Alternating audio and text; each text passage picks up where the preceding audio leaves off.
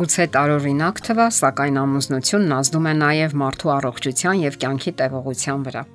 Եթե դուք ցանկանում եք երկար ապրել, պետք է մտածեք նաև այդ մասին։ Հարցն այն է, որ գոյություն ունեն երկար ապրելու այլ ընտրանքային ձևեր, եւ դրանցից մեկը հարաբերությունների այն որակն է, որ դավանում է մարդն իր ողջ կյանքում։ Ուսումնասիրությունները ցույց են տալիս, որ ամուսնական հարաբերությունների որակը ազդում է կյանքի տևողության վրա։ Կարող է զարմանալի թվալ եւ այնուամենայնիվ դա փաստ է։ Գոյություն ունեն բազմաթիվ հետազոտություններ, որոնք հաստատում են հոգեկան վիճակի եւ ֆիզիկական առողջության միջև գոյություն ունեցող կապերը։ Իսկ ամուսնական գործոնը որոշում է մարդու համարյա ողջ կյանքը։ Դա առավել ցայտուն ապացուցել են դանիացի գիտնականները, ովքեր հետաքրքիր եւ լայնածավալ գիտափորձ են անցկացրել ամուսնական զույգերի միջև։ Փորձի մասնակիցների հարցաթերթիկներում նրանք այսպիսի հարցեր են ներառել Թվարկված մարդկանցից ում հետ եք դուք վիճահարույց խնդիրներ ունենում։ Զուգընկեր, երեխա, ընտանիքի այլ անդամներ, հարևաններ, ընկերներ։ Ընտրեք պատասխանի տարբերակը։ Երբեք հազվադեպ, ժամանակ առ ժամանակ, հաճախ, միշտ Փորձը սկսվել է 2000 թվականի անմիջապես սկզբում, որին մասնակցել են 36-ից 52 տարեկան 10000 կամավորներ։ Եվ ահա 11 տարի անց մասնակիցներից 422-ն արդեն մահացած էին։ Իհարկե ցավալի է, սակայն նման երկարատև գիտափորձերի համար տոկոսային նման ցուցանիշը միանգամայն բնական է։ Սակայն Կոպենհագենի համալսարանի բժիշկ Ռիկե Լյոնդեի եւ նրա գործընկերների ուշադրությունը գրավեց ոչ թե բուն թիվը, այլ նրա անսպասելի կապը հարաբերությունների որակի հարցի պատասխանի հետ։ Եվ ահա նա հեղինակավոր ամսագրի ապրիլյան համարում տպագրում է իր հոդվածը այդ մասին։ Դա իրավամբ կարելի է համարել առաջին աշխատանքը նվիրված այն բանին, թե ինչպիսի ուղակի ազդեցություն ունի մեր հարաբերության որակը կյանքի տևողության վրա։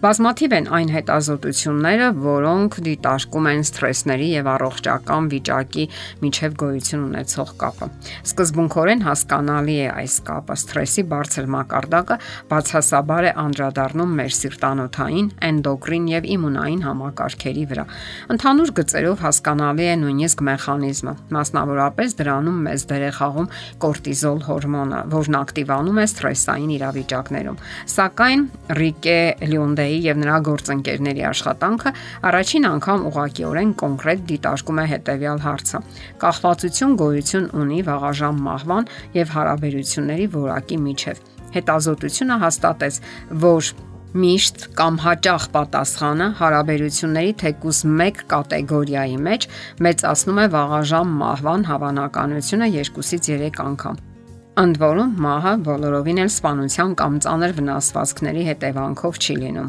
այլ միանգամայն բնական պատճառներով։ Եվ այդ պատճառների մեջ գերակշռում են քաղցկեղային եւ սիրտանոթային հիվանդությունները։ Համոզվելու համար, որ խոսքը պատահական զուգադիպությունների մասին չէ, գիտնականները դիմել են հարցաթերթիկում պարունակվող ստուգիչ հարցին, ձեր առօրյա կյանքում դուք զգում եք, որ անհանգստացած եք որևէ մեկի հետ հարաբերությունների պատճառով եւ ձեզ չի թվում, որ ձեր այդ հարաբերությունները չափազանց շատ բան են պահանջում ձեզանից։ Եվ դարձյալ փոխադարձ կապը նույնն էր։ Այն մարդիկ, ովքեր անհանգստացած էին իրենց հարաբերություններով կամ համարում էին, որ իրենց հարազատները, ընկերները կամ նույնիսկ հարևանները չափից ավելի պահանջներ են ներկայացնում իրենց, երկու անգամ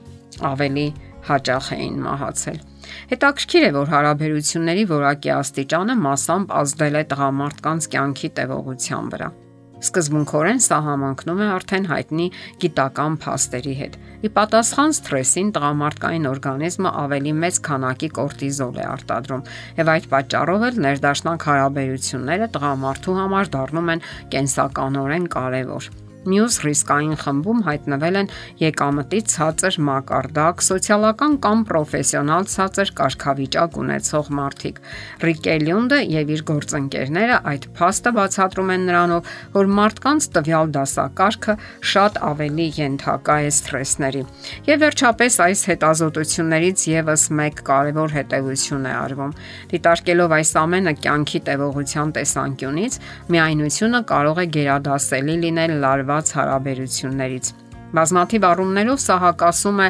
ներկայում գոյություն ունեցող պատկերացումներին։ Մի շարք բժշկական հետազոտություններ հաստատում են, որ մարդկանց սոցիալական հարաբերությունների արկայությունը համարվում է առողջությունը պահպանելու կարևոր գործոններից մեկը։ Սակայն հարցը ամենայն հավանականությամբ ոչ այնքան այդ հարաբերությունների մեջ է, որքան այդ հարաբերությունների որակի մեջ։ Ազդեցիկ ամսագրերից մեկի The Atlantic-ի մեկնաբան Ջեյմս Հեմբլինը այսպես է մեկնաբանում իրավիճակը։ Հարաբերությունները ինչ որ իմաստով կարելի է նմանեցնել նուշի, Բոլորին հայտնի է, թե որքան օգտակար է այն առողջության համար եւ կարող է երկարացնել մարդու կյանքը։ Իսկ եթե դուք ատում եք այն, սակայն ստիպելով ձեզ ուտում եք ամեն օր, որpիսի երկարաձգեք ձեր կյանքը, դուք ավելի շուտ ոչ թե կերկարաձգեք այն, այլ կկարճացնեք։ Մի գեղեցիկ օր, ինչ դուք զորով ուտում եք ձեր ատելի նուշը, հանկարծ կբարձրանա ձեր ճնշումը եւ դուք սրտի կաթված կստանաք։ Դե ինչ խոսքը վերաբերում է ոչ միայն սննդակարգին կամ առողջ կենսաձև վարելուն, երանդուն ֆիզիկական վարժություններին, այլև հարաբերությունների եւ մասնավորապես ամուսնական հարաբերությունների որակին։ Այն իսկապես շատ կարեւոր է։ Եղեք խոհեմ եւ շրջահայաց։ Պահպանեք ու խնայեք թե ձեր եւ թե դիմացինի կյանքը։ Իսկ դա իսկապես հնարավոր է։ Եթերում է ընտանիք հաղորդաշարը։ Հարցերի եւ առաջարկությունների համար զանգահարել 033 87 87 87 հեռախոսահամարով։